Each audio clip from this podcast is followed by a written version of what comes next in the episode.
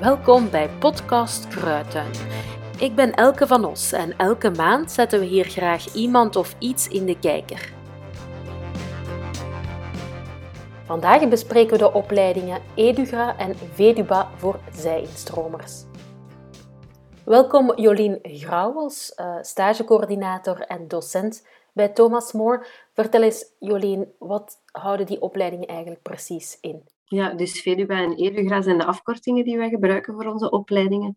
En dat staat voor Verkorte Educatieve Bachelor, dat is de VEDUBA-opleiding. En dan EDUGRA, dat is eigenlijk het educatief graduaat.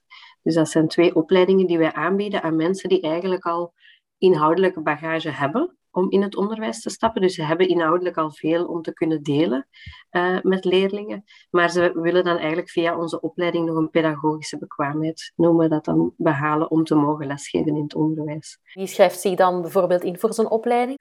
Ja, het is eigenlijk heel divers. Um, zowel qua leeftijd als qua vooropleiding um, zijn dat, ja, ligt dat heel ver uit elkaar soms. Uh, maar dat maakt het ook net interessant. Dus in ons educatief graduaat hebben we studenten die minstens uh, drie jaar relevante werkervaring hebben in, het, uh, in hun job eigenlijk.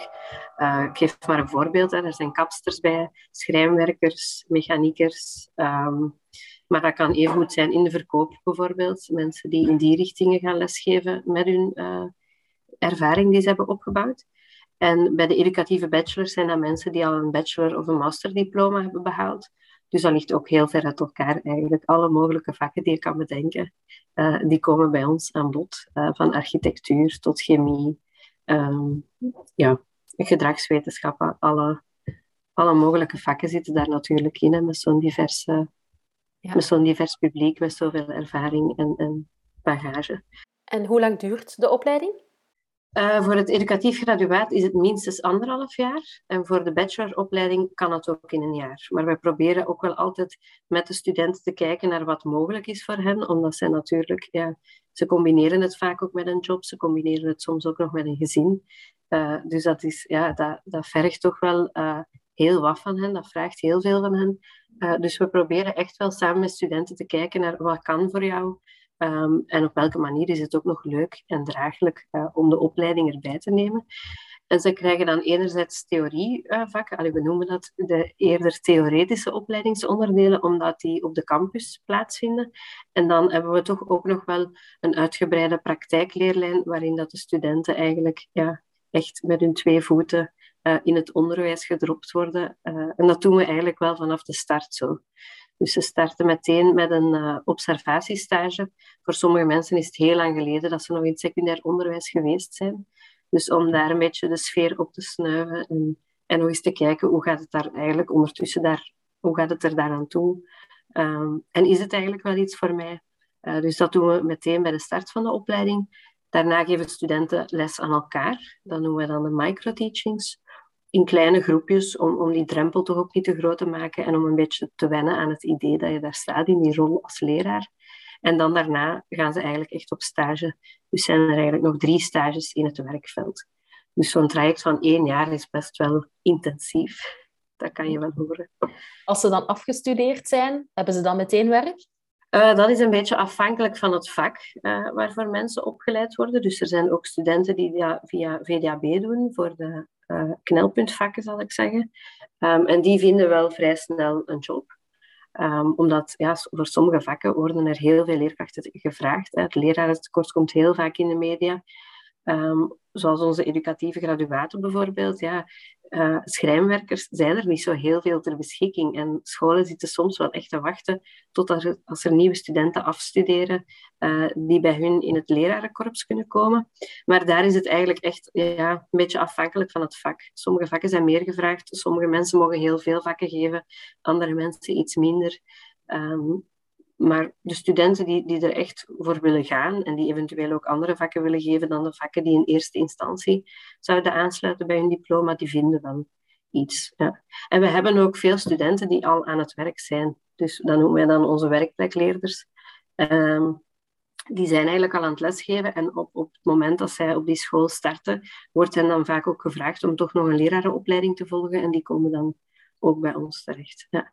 Ook heel interessant, die mix tussen mensen die al in het uh, werkveld staan En mensen die die ervaring nog niet hebben, dat is ook heel boeiend eigenlijk. Ja.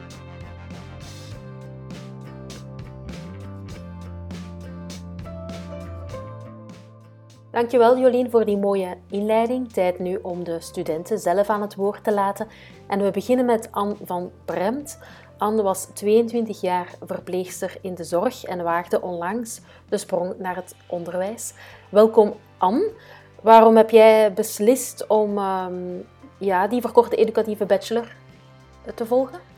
Um, vele factoren. Ik wou ehm, na 22 jaar in uh, geestelijke gezondheidszorg te staan, merkte ik wel dat het wel wat begon te wegen. Dus ik wou zo het uh, uitgeblust geraken in die job wat voor zijn. Maar ik deed ze wel heel graag. Um, en op een bepaald moment kwam er toch wel een fusie tussen de twee ziekenhuizen. Een van de twee ziekenhuizen waar ik ook werkte. Um, dus dat maakte toch, dat is een moment dat je sowieso eens alles op een rijtje ook gaat zetten, omdat er ook veel gaat veranderen. En dus uh, die factoren samen hebben mij doen beslissen om toch even een nieuwe weg in te slagen. Maar natuurlijk welke weg dan? Want eigenlijk deed ik wat ik deed wel graag. Hè? Dus uh, ik dacht dan van, ik wil toch wel wat ik in die jaren heb opgebouwd aan ervaring, zou ik heel graag kunnen doorgeven. Ik heb de laatste jaren ook binnen die job uh, mogen vorming, zo noemden wij dat dan, vorming geven aan uh, andere, aan zorgkundigen dan, om ze wat meer handvaten te geven om om te gaan met mensen met een psychiatrische problematiek. Um, en dat lag mij wel. Dus dat heb ik wel meegepakt uit mijn vorige job. Dat ik, dat ik, allee, dat ik wel het oké vond om voor een groep te staan, om dingen over te brengen. Maar vooral als ik kon praten vanuit mijn eigen ervaring. Dus dat vind ik wel heel belangrijk, dat ik het, kan, uh, dat ik het heel, heel hard kan uh, aftoetsen op de praktijk. Zo. Um, en dat heeft mij dan toch wel ja, tot het besluit te doen komen om de zorg en dan toch de geestelijke gezondheidszorg wel los te laten. Nu, ik vind onderwijs, onderwijs is ook zorg, vind ik sowieso. Dus die stap was dan voor mij eigenlijk toch niet zo groot, maar wel groot genoeg om zo ja, echt iets nieuws te gaan doen. Ja, en heb je lang getwijfeld om zo, ja, het is toch een nieuwe opleiding dat je bij studeert, hè? Om, heb je daar lang over nagedacht? Ja, nee, eigenlijk niet. Ik denk op het moment dat het nieuws kwam van de fusie, uh, van de ziekenhuizen. En wat voor ons toch wel, voor wat ik op dat moment deed, toch wel serieus wat verandering zou meebrengen. Ook serieus wat verandering in collega's. Die ook, wij zaten eigenlijk met een heel team dat andere keuzes ging maken. Uh, of moest maken ook. En voor mij was het dan eigenlijk heel snel gebeurd om te zeggen, van, nu wil ik echt de weg van het onderwijs ingaan en wil ik de kans ook nemen om um, ja, niet werkend die opleiding te kunnen doen. Want die kans kreeg ik daardoor wel. En dat was voor mij wel heel belangrijk. Ja, dus je hebt het echt, je hebt je echt kunnen toespitsen op het studeren. Hè? Ja. ja, want ik denk de combinatie van werken gezien en opleiding doen, dat, dat, was, dat wist ik van, dat, dat, ga mij, dat ga ik niet redden.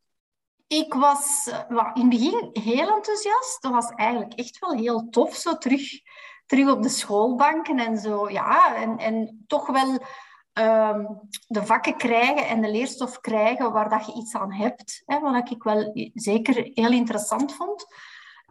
Um, wat ik ook heel leuk vond, was de diverse groep waar dat ik in terecht zat. Je zit daar zo met uh, zowel verschil in leeftijd, want ik was denk ik zelf toen, even snel tellen, uh, eh, 45, denk ik. Ja, 45. Um, maar daar zaten evengoed uh, jonge mensen die net hun opleiding hadden afgerond en die meteen voor hun onderwijsbekwaamheid gingen. Dus ja, en dan zo die diversiteit ook in het begin tussen de mensen die voor die praktijkvakken kwamen en, en echt die verschillende vakken. Ik vond dat heel tof. Heel tof, die diverse groep. Ja, ik dacht, ik ga hier de oudste zijn met mijn 44, maar dat was helemaal niet. Nee, ik was niet de oudste. Nee, nee, nee. Ik was bij de oudste, maar ik was niet de oudste. En, en zeker nog een aantal zo echt van mijn leeftijd ook.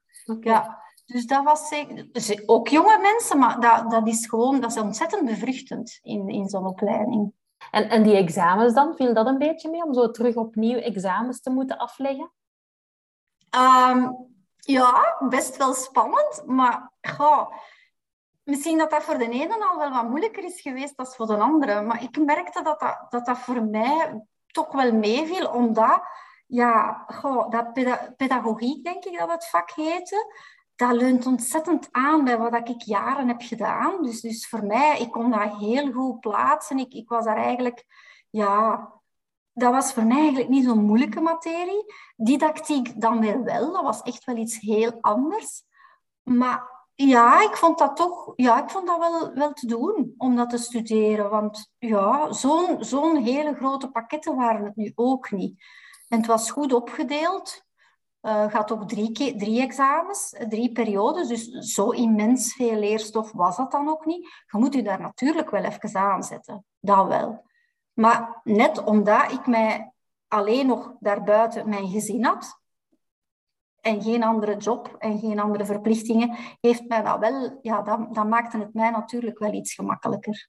Zeker wel. Ik heb wel vaak gehoord van mensen die wel nog aan het werk waren, dat die het soms wel niet, niet, niet redden. Zo. Dat het, die hebben dan, maar die hadden dan, dat is dan ook weer het voordeel. Ik denk dat die allemaal hebben kunnen ehm, dingen afspreken om op bepaalde vlakken te vertragen of uh, langer er dan over te doen. Dus uiteindelijk zijn die er ook wel geraakt. En, en wat vond je het leukste tijdens de opleiding? Ik vond de middagpauzes altijd heel leuk.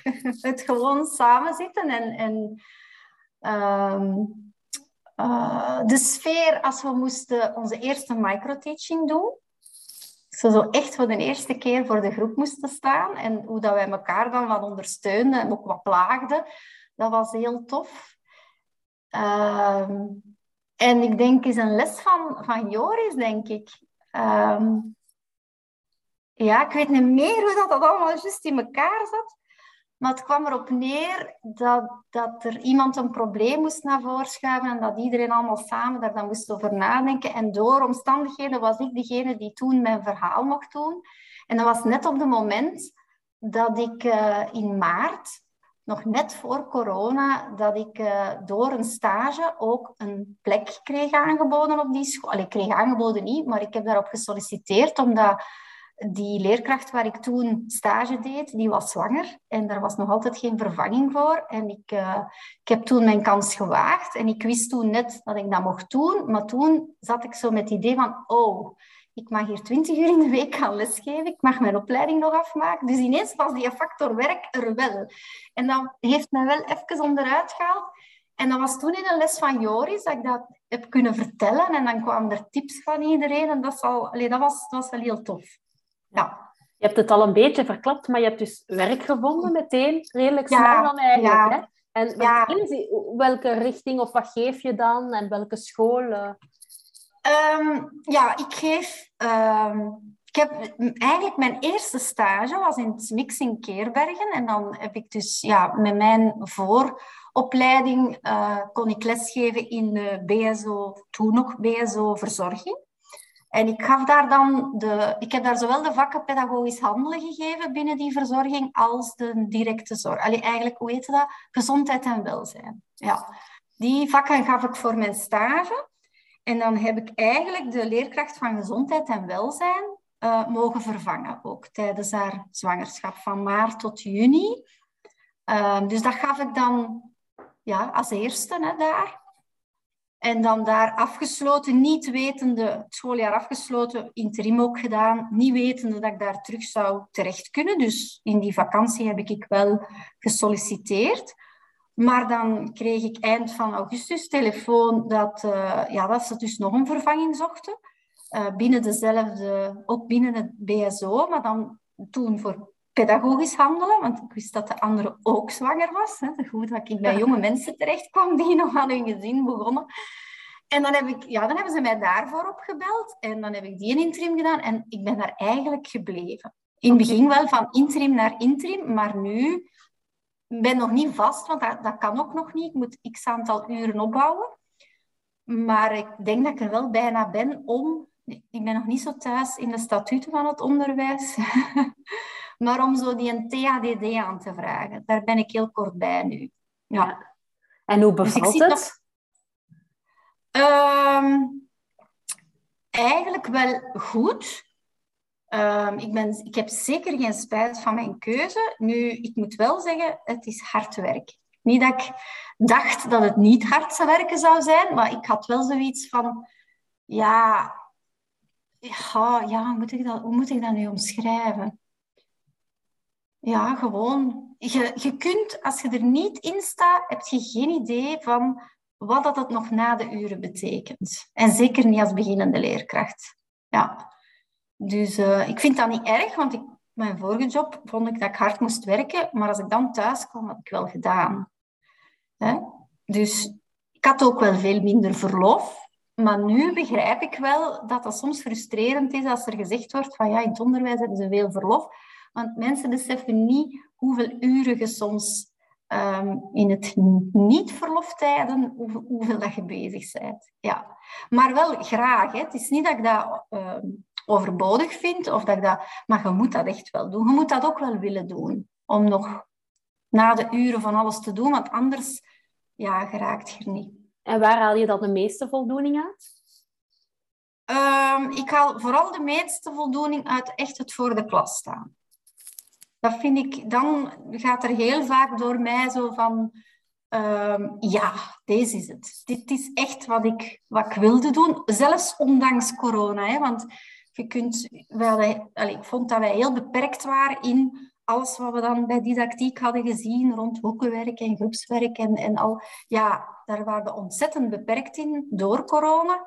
Uh, maar dan nog had ik daar toch de meeste voldoening. En mis je de zorg niet te hard? Um, ja, dat is een goede vraag. Want ik, zeg het, ik heb dat, ben daar niet mee gestopt omdat ik het niet meer graag deed. Hè. Dus ja, ik mis dat wel. Maar ik krijg er zeker iets anders voor in de plaats. En ja, er zijn natuurlijk ook nog redenen, de manier waarop dat de zorg georganiseerd is, en dan vooral de, de geestelijke gezondheidszorg hier bij ons, dat bleef de... Ik, ik, die dingen zijn er nog altijd. Je loopt nog altijd tegen wachtlijsten aan voor je mensen. Je krijgt mensen niet waar ze moeten zijn binnen een redelijke termijn. Dat begon mij ontzettend te storen, omdat je op die manier ook niet goed hulp kunt, kunt bieden. En, en ja, dat is er nog steeds. Dus als ik daar dan aan denk, dan heb ik zoiets van, ja, nee, het is goed dat ik er niet meer in zit. Uh, dus, ja. Je bent blij waar je bent? Zeker, ja. Ja, zeker wel. Ja, ja een hele andere wereld, maar ook wel een hele boeiende wereld. De tweede die we aan het woord laten is Sylvester van de Wegen. Hij verliet de architectuur voor een job in het onderwijs. Uh, ik ben afgestudeerd in 2009 met een master in architectuur in um, Sint-Lucas, Brussel. Um, dat was toen de Hogeschool voor Wetenschap en Kunst. En um, ja, dat was tot op 2019, eh, tien jaar geleden, dat ik nog eens op de schoolbanken had gezeten. Dus ja, dat was toch wel uh, een flinke tijd geleden. Ja. En uh, dat was, was allee, een totaal nieuwe stap om ehm, ja, terug in opleiding te gaan. En hoe was dat dan, zo terug op de schoolbanken terechtkomen? Viel dat een beetje mee? Ja, ehm, eigenlijk, ja, dat is een leuke vraag. Want ik heb daar Ehm, ik heb daar eens over nagedacht. Dat was echt ehm, een nieuwe start. Op zich ben ik wel een rustig en een verlegen persoon eigenlijk. En ehm, ik heb toch, ja, ik heb toch echt wel uh, echt zo'n groepsgevoel gehad. En uh, zo van, we zijn hier de Veduba's en we gaan ervoor. En dat was echt wel zo een sfeer. Ja, ik heb dat toch wel ervaren als als, als een studiegroep waarin dat ik zat. Ik had voorgenomen een jaar te nemen, uh, maar mijn um, tweede groeistage was eigenlijk niet zo goed. En ik heb dan wat moeten rechtzetten, zal ik maar zeggen. En um, dan in het uh, najaar van 2020 ben ik dan eigenlijk gaan zoeken voor die laatste stage af te ronden. Die out-of-the-box stage neem ik aan. En um, toen besliste ik eigenlijk van als dit mijn toekomstige baan wordt, dan ga ik al eens op zoek naar de mogelijkheid om een job te vinden. Ja. En uh, dus ik ben dan gaan combineren van, kan ik stage en uh, werk combineren? En ik ben eigenlijk gewoon een sollicitatie tegengekomen En ik ben op die sollicitatie ingegaan en ehm, dat is dan uiteindelijk mijn huidige baan geworden.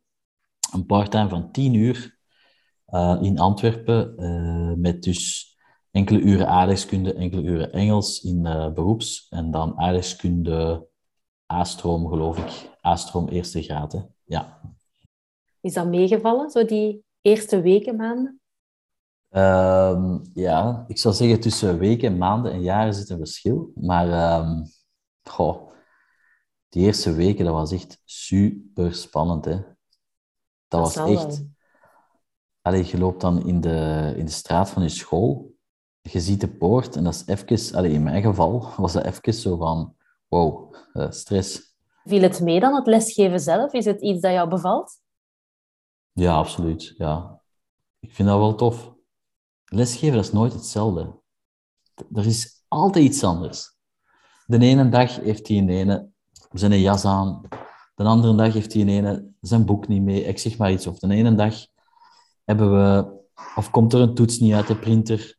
Leerlingen moeten zich uitgedaagd voelen. Als die niet uitgedaagd zijn, dan, dan is de leercurve veel kleiner. En ik durf wel te zeggen dat dat onderwijs en lesgeven voor mij persoonlijk is wel een uitdaging. En uh, ik ervaar dat nog steeds zo. En dat is, dat is ook gewoon prikkelend en leuk. Ja. Ik ben nu 37. Uh, eh, ik, heb wat, ik zou eerder zo zien, ik heb wat jaren op de teller. En goh, dat geeft je ook wat bepaalde maturiteit in sommige gevallen. En dat kan echt uh, helpend zijn in een klas uh, of in een school, te zien ook waar je staat. En uh, de balans werk-privé, is dat nu beter dan daarvoor of net niet? Op dit moment? Mm -hmm. Ja, voor mij wel. Ja, ik moet daarbij zeggen, ik ben nog uh, startende leerkracht. Ik ben nog alle uren aan het opbouwen. Ik zit van vorig jaar 10 uur, dat is weinig, naar 12 uur. Op, op dit moment werk ik veel, ik geef dat toe. Uh, er is ook veel werk in een school. Er, is, er is altijd wat te doen. Dus voor mij ziet dat nu goed. Ik vind dat wel uh, ça va. Bedankt Jolien, Anne en Sylvester voor alle informatie en de getuigenissen. En heb je zelf interesse om deze opleiding te volgen, dan kan je terecht op de website van Thomas Moore voor meer praktische informatie.